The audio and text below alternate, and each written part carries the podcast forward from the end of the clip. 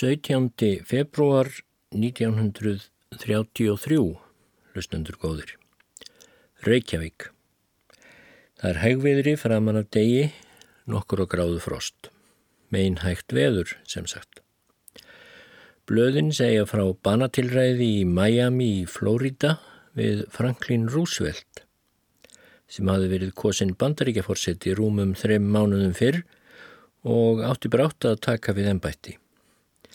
Giovanni Zangara hétt tilræðismadurinn, rúmlega þrítúur ítalskur verkamadur, einhvers konar anarkisti, frekar vannstiltur maður sagður.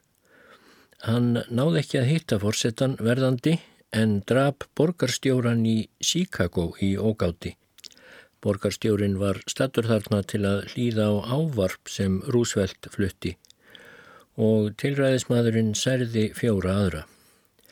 Sangara var tekin af lífi fyrir drápið á borgarstjóranum aðeins rúmum mánuði setna.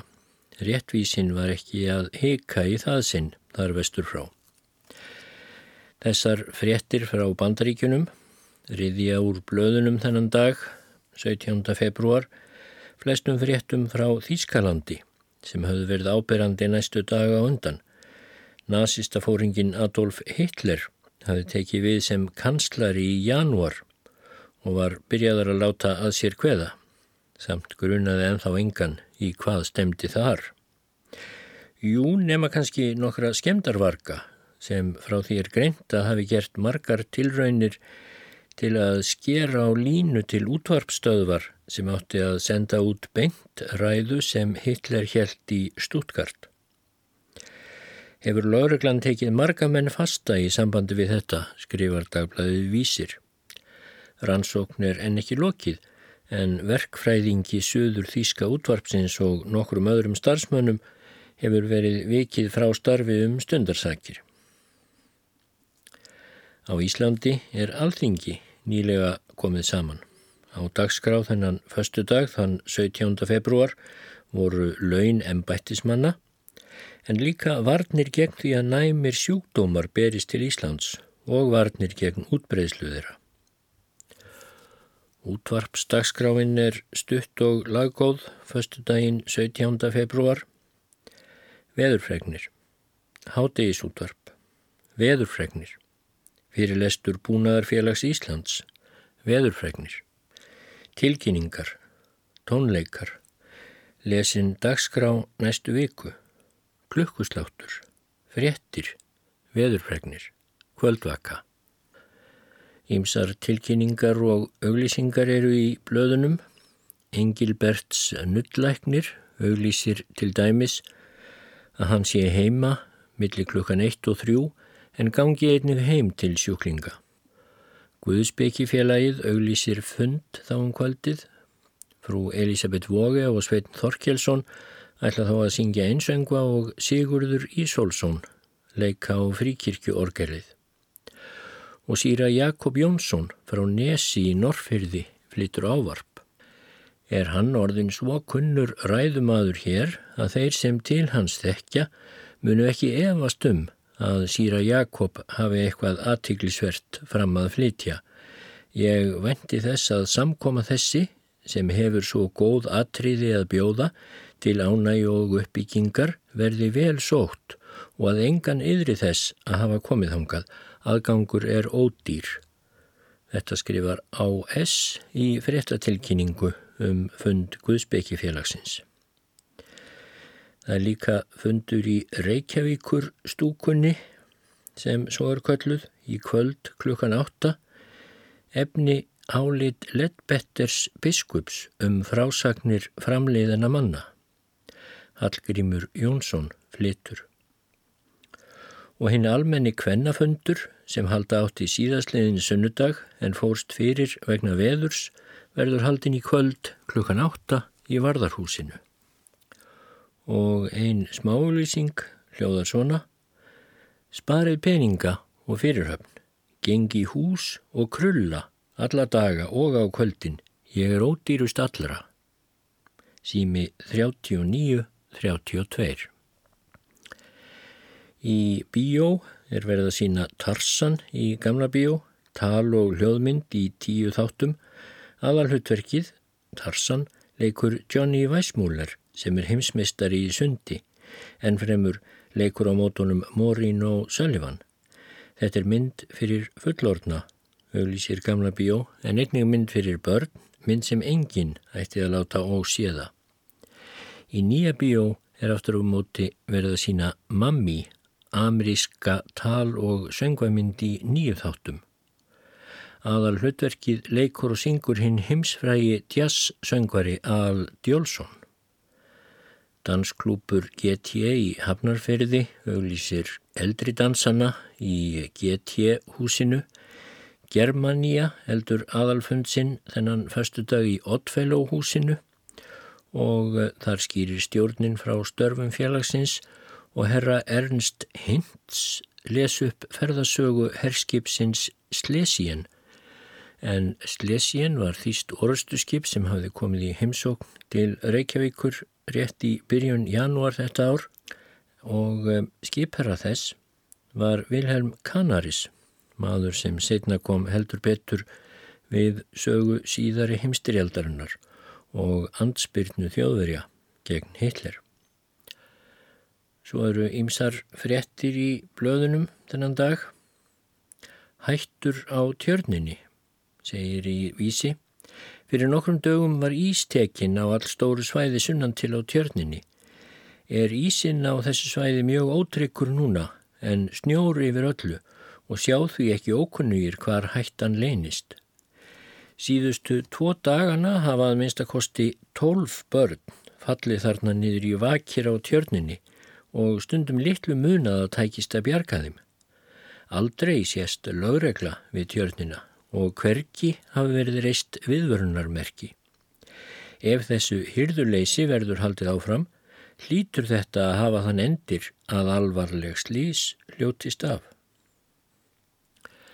En vísir getur þess líka að gefnu tilipni að það hafi verið borið undir dómsmálaráðuneytið hvort leifaskildi automatkassa sem settur hafi verið upp á Hotel Borg og dómsmálaráðunitið hafi kannad málið en ekki fundið neina ástæðu til að geta bannaðan. Og þótt snjór sé yfir öllu að við erum fréttir frá tjörninni herma þá er menn líka að hugleiða gönguferðir og jafnvel hjólreiðar. Í morgumblæðinu segir frá gangstíg undir öskjulíð Þarna suðvestur undir öskjulíðinni er einna skjólsamast í hinnu berangurslega umhverfi bæjarins. Er sá staður því yfirleitt hinn besti til útiveru fyrir bæjarbúa, en til þess að hann komi að þeim notum þá þarf að gera þángað veg. Fyrir þá bæjarbúa sem yfka útigöngur þá er það orðin hreinasta plága að hvergi er hægt að ganga rutta götu út úr bænum í friði fyrir öskrandi og rík þyrlandi bílum. Fótgangandi fólk þarf að hafa einhvern stíg fyrir sig. Með fram slíkum gangstíg mætti og gerðnan vera stígur fyrir hjólreðamenn. Væri alveg tilvalið að leggja til dæmis gangbröð og hjólreðastíg, söður úr skemmtigarðinum við tjörnina, söður Vasmíri og söður að vestanverðri öskjuhlýð beint í Nautólsvík. Erið þetta rík, laus og skemmtilegur vegur. Þannig var sannarlega framsýni á ferðinni árið 1933. Aðeins ein minningargrein byrtist í blöðunum þennan dag. Hún byrtist í mokkanum minningargrein um Holmfríði Guðmundsdóttur sem hafi dáið á heimili sínu á lögavegi 62 viku fyrr. Hún var þá rétt óorðin 63 ára. Holmfríður var tíguleg kona, segir í minningargreininni, íturvaksinn, fagurhærð, höfðinglegað yfirlitum, frjáls og prúð í allir framgöngu. Hún var vel greint, söngelsk og bóknegð. Trúnegð var hún líka og hugsaði alvarlega um eilíðarmálin en frjálslind og fordómalauðs með öllu. Ekki efaðist hún um mátt kærleikans. Hún var gift Sigurði Þóttn Jónssoni, vestlunarmanni og þau hefðu verið búsett í Keflavík í mörg ár. Er það mörgum í minni segir þar, sem hjá þeim gistu hver allt var snirtilegt og látlaust. Heimilið var stort og gest koma tíð og sást þá best hver ágætis kona Holmfríður var. Einnig eiginkona, umhyggjusum móðir, hógvær en stjórnsum húsmóðir, síglöð og hress í anda. Og í blöðunum þennan dag finn ég aðeins eina skrítlu. Hún er í mokkanum og er svona. Kjenslukonan. Hvernig stendur á því, Óli, að þú kemur svona ógrittur í skólan? Óli. Ég á enga greiðu. Kjenslukonan. En getur þið ekki fengið lánaða greiðuna hans pappaðins? Óli. Hann á enga greiðu heldur. Hann er sköllóttur. Allt þetta sem ég hef verið að lesa hér upp úr blöðunum var á 17. februar 1933. Það byrtist í morgunblæðinu, í vísi, alltíðublæðinu en því er ég að rifja upp þennan dag að þennan dag kom líka út nýtt dagblað í Reykjavík, Hádegisblæðið og það hóf útgáfu sína með fjadra þitt og söng eins og þar stendur. Nokkur orð til lesendana eru á forsýðu blaðsins þennan föstu dag og eh, þar segir meðal annars. Um leið og hátegisbladið hefur göngu sína viljum er með nokkrum orðum vekja aðtikli lesendana á stefnu blaðsins. Hátegisbladið mun verða algjörlega sjálfstætt og óháð öllum stjórnmáluflokkum. Það er lengi búið að vanta hér slíkt blað en úr þeirri vöndun er hátegisblæðinu ætlað að bæta. Sérstaklega nú á setni tímum hefur borðið mjög á því hver dagblöðin hafa verið einkennilega samtaka um að þeia um ímismál sem hafa borist manna á milli ef þau að einhverju leiti hafa snert óþægilega kaun hinn að herri stjætta. Þetta hefur þau skadlegu áhrif að almenningur er farin að líta svo á að það beri að taka vægari tökum á yfir sjónum þeirra sem herra eru settir heldur en hinna sem lægra eru settir í þjóðfélaginu. Hádegisbladið mun í þessu efni ekki fara í manngreinar álit. Það mun stinga á kílunum hvar sem þau eru, án tillits til þess hver það er sem í hlut á. Svo best er hægt að byggja upp heilbrygt þjóðfélag að minnsemdir þess séu upprættar hvar sem þær koma fram en ekki yfir þær breytt ef þær eru á vissum stöðum. Afleiðing slíks verður sjúkt og síðspillandi almenningsálit og almenningsálitið er þegar orðið síkt. Þeir menn sem eru herrasettir í þjóðfélaginu álíta sig hafa rétt til að gera ímislegt ósæmilegt án þess að fá jafn þunga refsingu fyrir og hinnir sem lægra standa í mannfélagsstíganum. Almenningur er eh, líka farin að trúa því að svona eigi það að vera. Sýnir það ljóslega þessi vísa skáldsins. Stelirðu litlu og standirðu látt í steinin þú settur verður, en stelirðu miklu og standirðu hátt í stjórnaráðið ferðu. Svona hugsanarháttur, segir enn fremur í þessum forsýður leiðara háttegisblaðsins, er síðspilling sé rétt að ofinbera miskjörðir þeirra sem lægri stjættunum tilheyra, þá er ekki síður ástæða til að ofinbera miskjörðir þeirra er í ofinberum trúnaðarstöðum eru fyrir samfélagið. Sá sem þetta skrifaði var nýráðinn rítstjóri hins nýja hátegisblads. Hann hétt Jens Pálsson en útgefandi bladsins var Ásker Guðmundsson prentari. Jens Pálsson var 28 ára gammal. Hann var bóndasónur frá Bakkakotti á Rangarvöllum og uppalinn þar til 15 ára aldurs þegar hann fór á mölina eins og það var kallað á samt fjölda annara ungra Íslendinga sem yfirgáfu sveitirnar um þær myndir. Jens fór á sjóin þegar hann kom söður en eh, hann hafði líka mikinn áhuga á högum þeirra sem minnst máttu sín Hann gekk í alþýðuflokkin 1929 og starfaði þar mikill, hans hann sagði sig raungu setna úr floknum. Hann endurvakti sjómanafélag Hafnarfjörðar og var formaður þess 1929 til 31 og útgerðarmaður skips þess sem Jens var á árið 1929 hótaða rekan fyrir baráttu hans fyrir bættum kjörum óbreyttra sjómana um borði í skipunum. Jens fór líka að skrifa greinar í Alþjóðublaðið um hugðarefni sín og hugssjónir en þarna fekk hann sem sagt tækifæri lífsins árið 1933 þegar Ásker Guimundsson Brentari réði hann rittstjóra hins nýja blaðs. Verkalýsblaðið sem gefið var út af kommunistum á Íslandi það hafði lítið áleita á uh, heitstrengingum Jens Pálssonar í hátegisblaðinu um að nú er þið farið að stinga á kýlum yfirstjættarinnar í landinu. Blaðið sagði frá til komu hátegisblaðsins á þennan hátt. Íhaldið eikur blaðakost sinn. Auk morgumblaðsins, storms og heimdalls, sem eins og kunnugt er, eru fyrst og fremst málgögn stór svindlarana, þá er íhaldið nú farið að gefa út tvö önnur blöð, okrara svipuna og svindlara svipuna eru þau málgögn smerri svindlara og okrara eins og nöfnin benda á.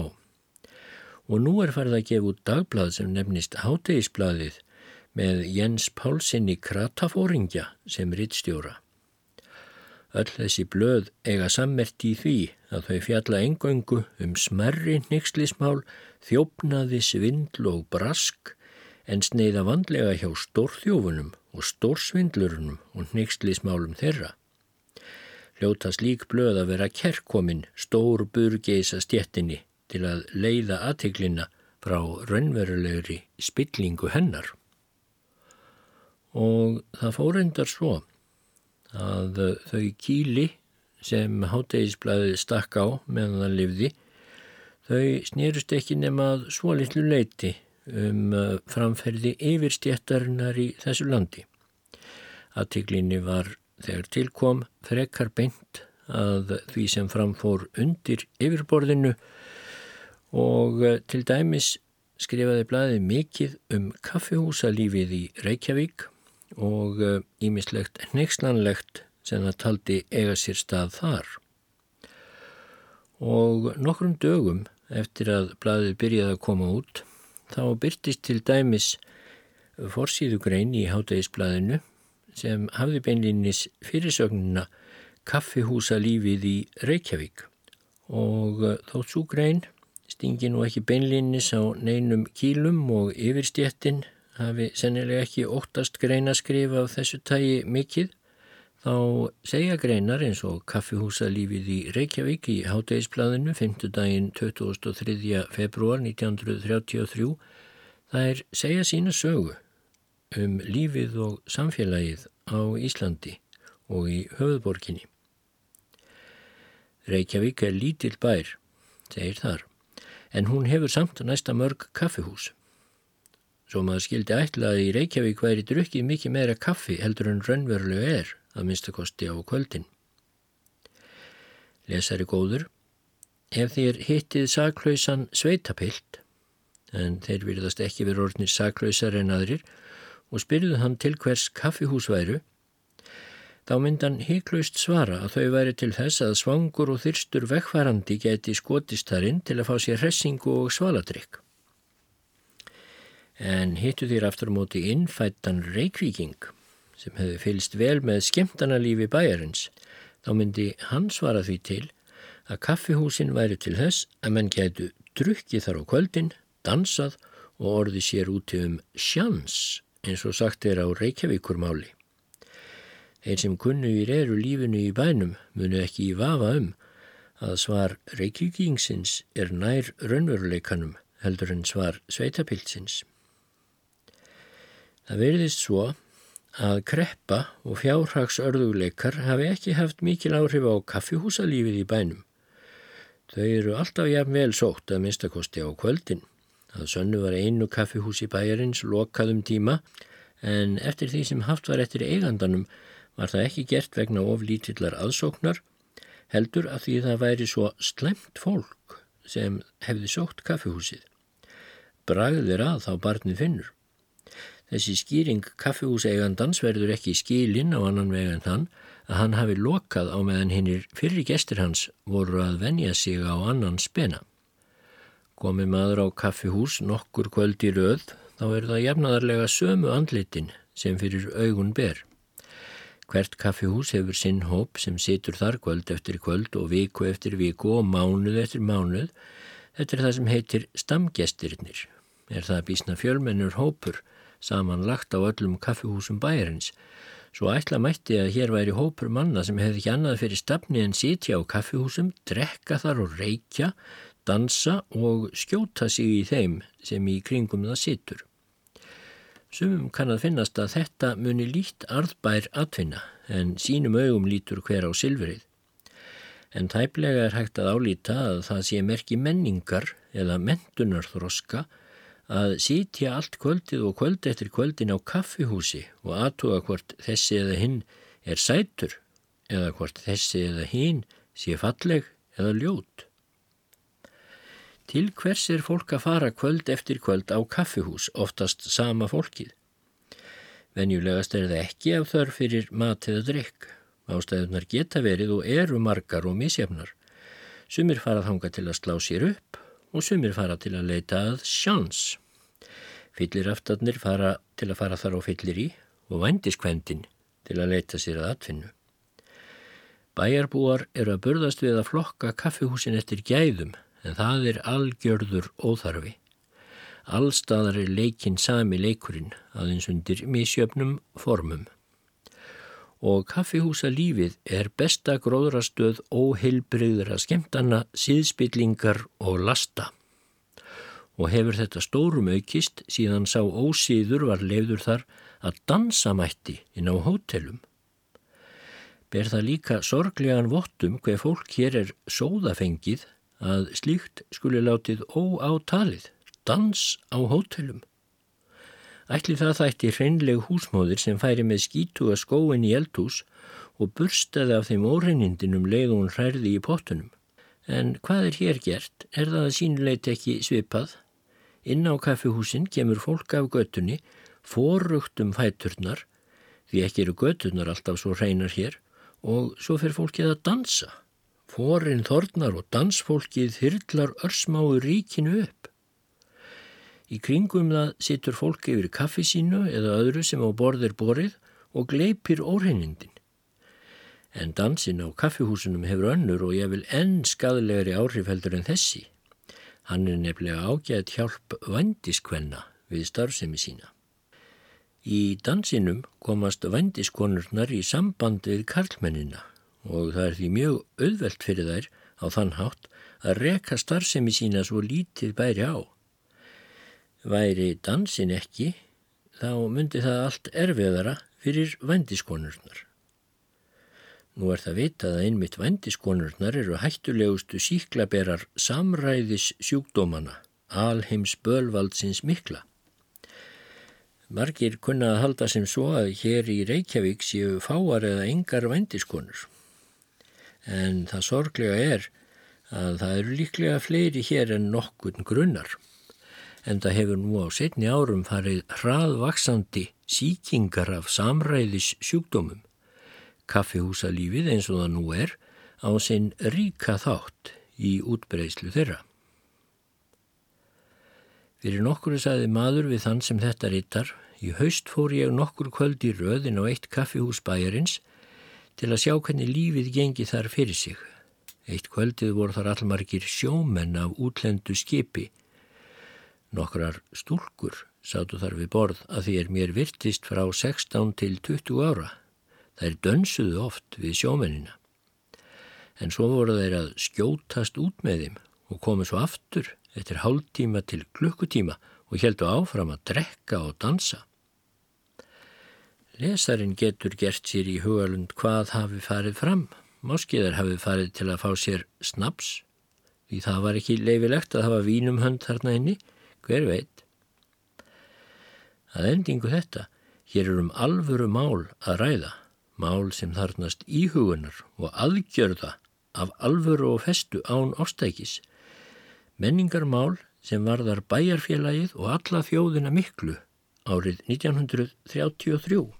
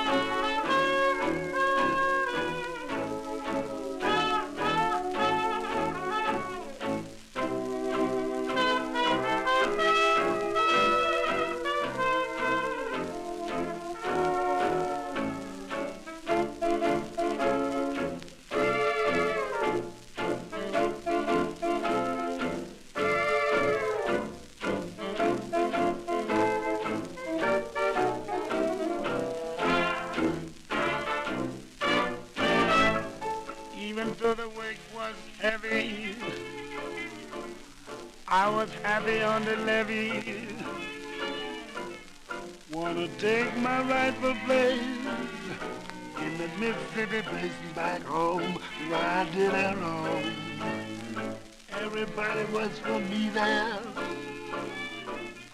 All the folks were kind and free there. Used to love to wash my face in that Mississippi basin back home. Mm. dear old. That's the song I'm singing all day.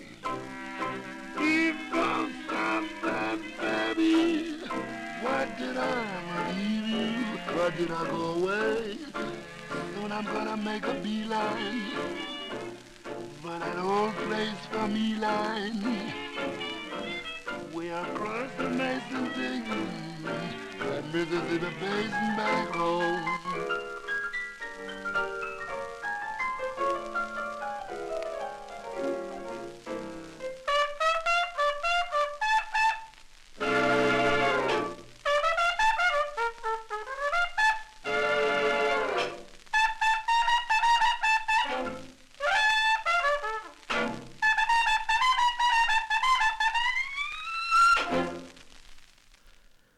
Þetta var eitt vinsælasta lægið árið 1933, Louis Armstrong sjálfur með lægið Mississippi Basin.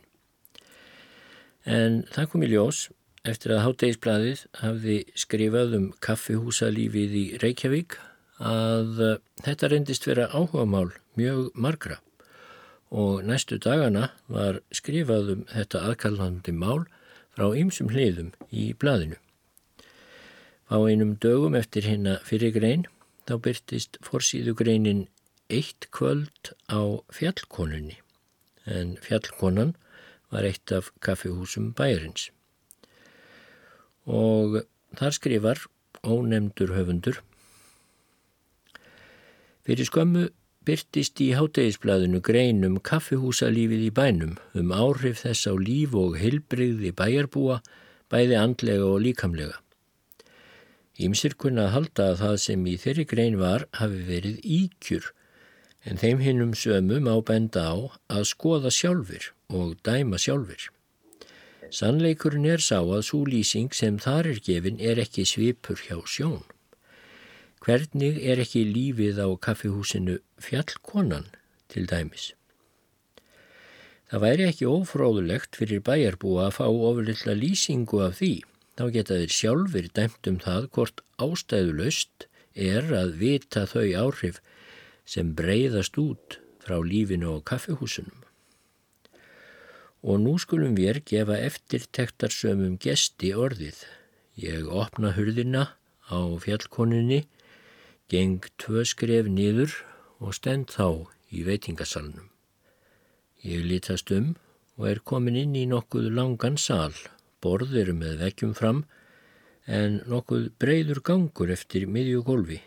Skítugir og útataðir dúkar eru á flestum borðunum. Hinnir dökku blettir í þeim segja sína sögu um ástand og framkomu síðustu gestana og sömuleiðis um hreinleiti vertsins á þessu kaffehúsi. Á stöku stað glítrar á flöskur undir borðunum sem gestirnir af einhverjum ástæðum hafa verið svo hugulsamir að skilja þar eftir. Golfið er aðtað blöytri fór sem gestirnir hafa borðinn á fótum sér. Grammofón stendur á borði innarlegi salnum er hann í gangi, er viðkomum inn og eitt par er að dansa. Við félagarnir fáum okkur sæti við borð, hér um bil í miðjum sal við vekkin. Dúkurinn á borðin er allur blettóttur og sumstaðar blöytur eftir fyrir gesti, en betra er ekki fáanlegt. Fátt fólk er þarna inni. Nokkra stúlkur og karlmenn sem eru meiraði minna hreyfir. Við borð skamt frá okkur sittur stúlka einsýns liðs. Það lítur út eins og hún sé að býða eftir einhverju. Er við setjumst, lítur hún til okkar og horfir á okkur eins og hún sé að rannsaka hvers konar menn við séum. Eitt par er að dansa á miðju gólfi, eins og ég sagði. Það koma nú fleiri og fleiri inn, stúlkur og karlmenn. Flestir eru þeir meiraði minna druknir. Fáir karlana fá sér sæti við borðin, heldur standaðir í hópum á miðju gólfi, í smá hópum og eru all háværir. Stúlkurnar setjast ekki heldur nema rétt í svip, heldur ganga milli gestana og gefa sig á tal við á. Tvær stúlkur koma að borðinu til okkar. Þær eru nýkomnar inn. Annur þeirra hilsar félaga mínum og byður hann að tala við sig. Félagi mín reykur upp stóru augu. Ég þekkiður ekki. Stúlkan hlær. Getur ekki tala við mig fyrir því? Nei, ég hef ekkert við yður að tala, segir hann. Og seg, seg, svarar hún aðeins. Í því gemur kona svo sem rekur kaffihúsið og segir við stúlkurnar, hvað eru þið að standa þarna? Gómið heldur inn fyrir og fáið ykkur kaffi. Stúlkurnar fóru. Inn í salin gemur nú stór hópur drengja á aldrinum 13 til 16 ára Auðsjámanlega eru þeir í forvitnisferð. Þeir staðnæmast uttarli í salnum og litast um. Veitingakonan gengur til þeirra og rekur það út. Þeir fara hlæjandi. Nú stendur háa stúlkan upp sem fyrir getið um að hafi setið skamt frá okkur. Hún lítur að félaga mínum og segir eitthvað sem ég þó ekki heyrði hvað var. Maðurinn hristi höfuðið. Stúlkan litast um í salnum, hún kemur auða á fullorðin mann sem situr í öðru horninu, utast í salnum. Hann er sínilega mikið ölvaður. Hún virðir hann fyrir sér um stund, en gengur síðan til hans og sest við borðið hjá honum. Maðurinn lítur upp og virðist hissa, svo farað þau að tala saman. Á gólfinu er nú orðið fjölmennur hópur, manna og kvenna, sem var í hávaðasömmum samræðum. Lokunartími er tilkynntur. Við tókum höfuð fött vor og fórum út, fæstir gestana voru þá farnir. Rétt utan við dyrnar mættum við stórum hóp af strákum og stelpum sem voru á leið inn, eigi vissum við hvort það fólk fór inn, en svipað var ástand og framkoma þessara gesta og hinna sem inni fyrir voru. Það skal þó tekið fram að það eiga þó ekki allir að því er snertir kallmennina og skorað mál.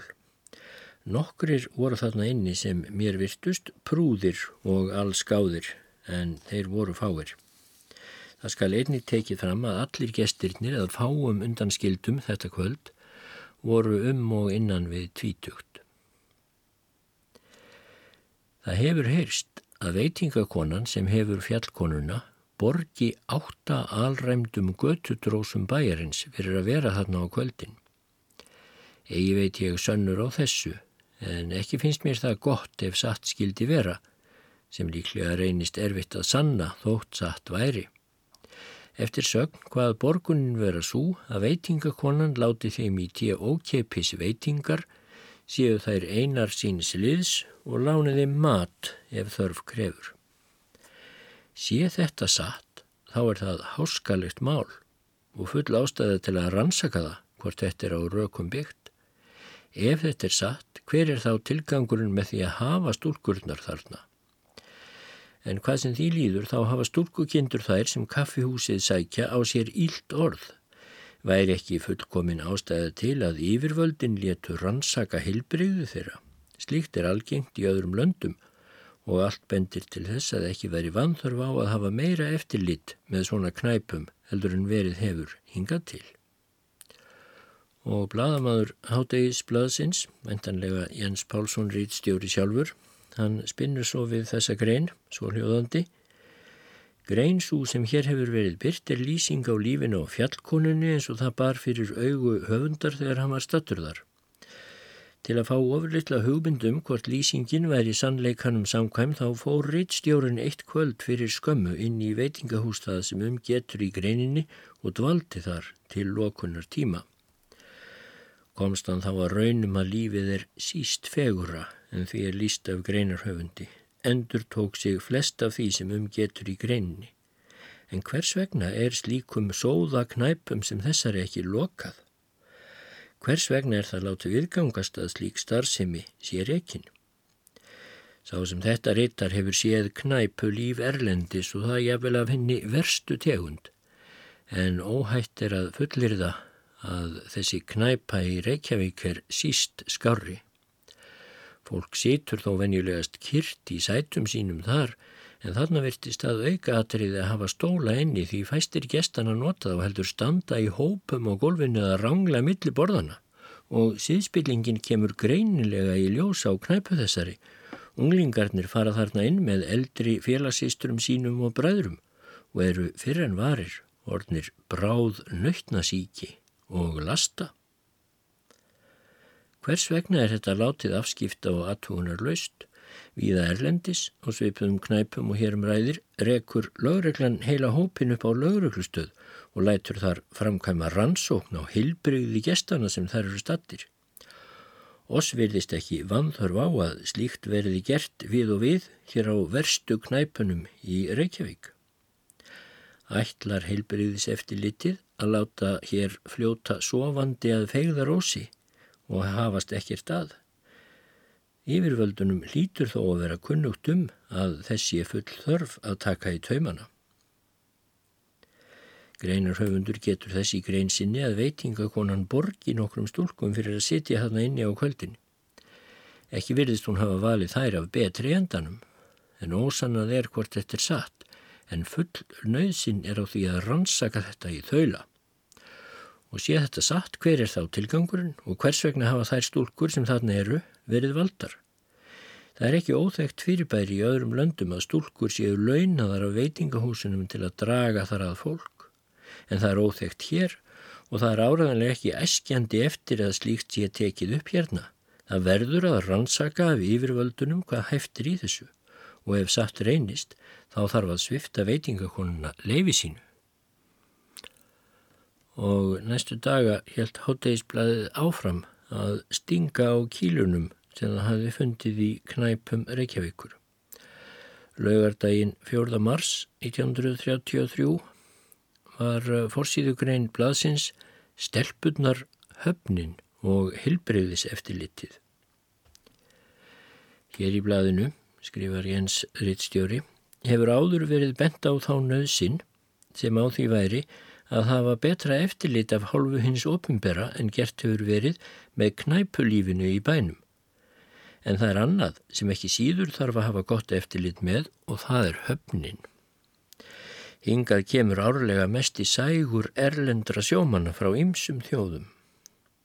Mislít hjörð sem full ástæða væri til að hafa eftirlit með hvernig heilbreyðis ástand væri áður en þeim væri lift samgöng við land. En hvernig hefur þetta verið ræktað undanförnu?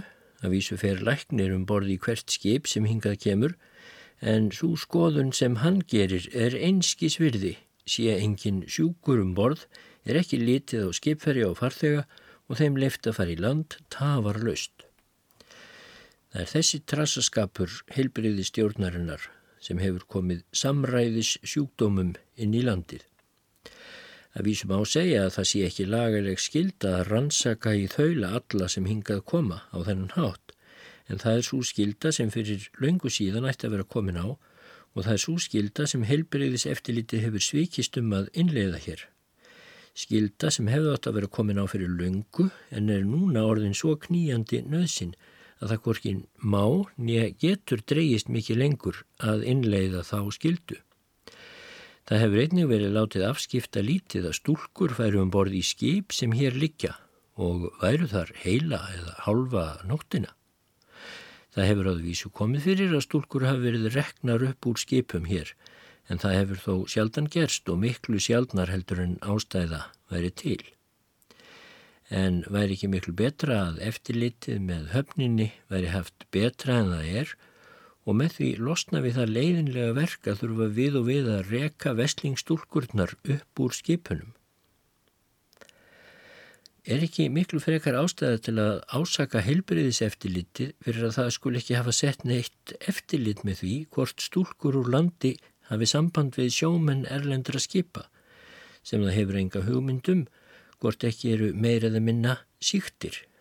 Jú, vissulega ber að gera það úr því að hér eru til konur sem hafa það að atvinni sinni að selja líkama sinn, þá er ekki hægt að ásaka þær fyrir, þótt að er leiti að þeim eldinum sem best brennur. Og það er ekki rétt, þótt mörgum verði það á, að kasta þungum steini að þessum konum. Fæstir vita þær ástæður sem orðið hafa til þess að þær hafa verið drifnar út í þetta hörmungar ástand. Þær geta verið margar og með ímsu móti. Það ber því miklu frekkar að ásaka hilbreyðis eftirlitið fyrir þann trassaskap og dæmalösa hyrðuleysi sem það að undanförnu hefur sínt í því að bæði konurnar og þeir sem þær hafa mögvið væru hilbreyðir. Það verður að krefjast þess að betra eftirlit verði í þessu efni en hinga til Hátegisbladið mun ræða þetta mál feimnislaust og af alvöru og benda á gallana. Það þýðir ekki að loka augunum fyrir staðrindum í þessu alvarlega máli. Það er líka þýðingar löst að loka augunum og látast vera blindur, stinga í eirun og þykjast vera hirnarlaus fyrir þann dæma að fá að trassaskap sem hér hefur ríkt í þessu efni. Málið verður að takast föstum og örgum tökum og það þegar í stað. Og Þreimdugum setna byrtist eh, ný afhjúpun hátægisbladsins á sóranum sem viðgjækst í Reykjavík. Barinn, hann er svartur blettur á Reykjavíkur bæ. Niður við höfnina, skrifa rittstjórin, hjá póstústræti er sóðaleg ölknæpa sem kölluður barinn. Flestir sem komið hafa niður á höfninu munu hafa veitt knæpu þessari aðtikli. Það er ekki óalgengt að sjá þar fyrir utan all ölvaða menn og eins á hornum gatna þeirra sem næstar eru. Svo virðist sem þessir menn, sumir að minnstakosti, hafi ekki annað markmið í lífun en að standa þarna og hýma. Ekki er það heldur óalgengt fyrirbreyði að menn sem þarna eru tíðir gestir svífi að þeim sem eftir göttunni ganga og byrji um að gefa sér auðra. Flestum sem hafa til þess getu mun verða það á að láta eitthvað af hendi rakna við menn þessa sem flestir hafa fullt útleitt fyrir að þurfa peningana með og flestir eru svo vel þengjandi að þeir sjá að getur aurunum sem þeir gefa fátækum og íllahöldnum vesaling til að seðja hungur sitt eða fá sér þakk yfir höfuðið. En það er hörmulegt að horfa á eftir þessum sömu mönnum inn á barinn og eigða aurum þeim sem þeim hefur þannig áskotnast á þann hátt sem þar er gert. Svo virðist sem það sé orðin álitlegur hópur manna sem hefur ekki annað fyrir stafni en hýma þarna henni og eða standa á götuhornunum í kring og rangla þar til og frá. Svona krár eru hættulegar bæjarlífinu, sérstaklega á atvinnuleysi stímum.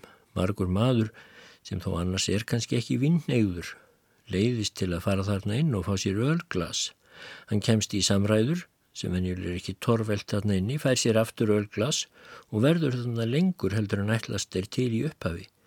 Ölið er til dörlega ódýr drikkur og ef maðurinn er búin að fá eitthvað og ekki síðan nema lítið af sterkum drikkjum fyrir, þá er það auðvelt fyrir hann að halda þarna áfram að drekka.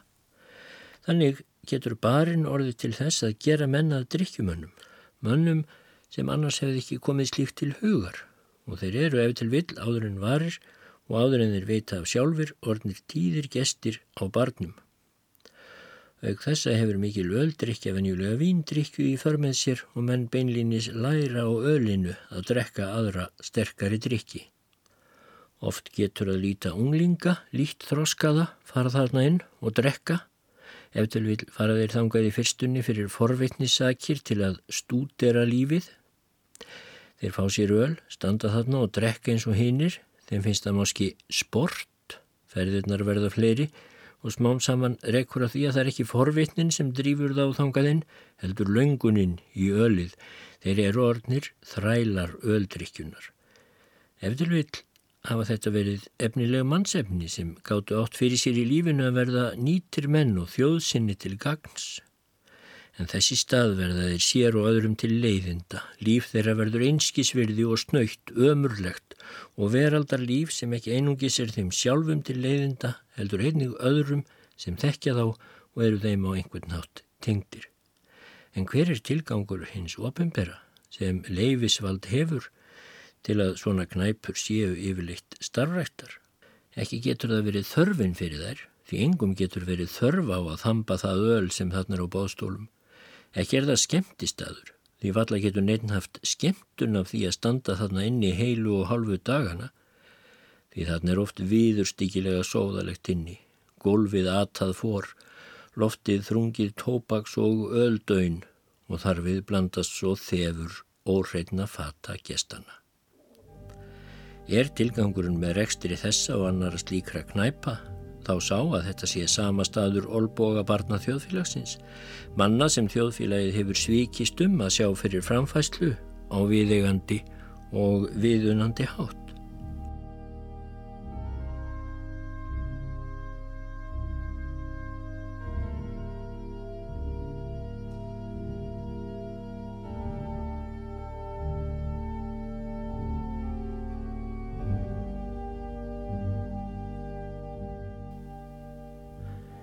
Það skal tekið fram að Jens Pálsson skrifaði ekki bara um knæpulífið í Reykjavík. Í næsta þætti eftir viku þá reyndan vissulega að stinga á alvöru kílum en þá skrifaðan um aðbúnað sjúkra og einelti í Reykjavík.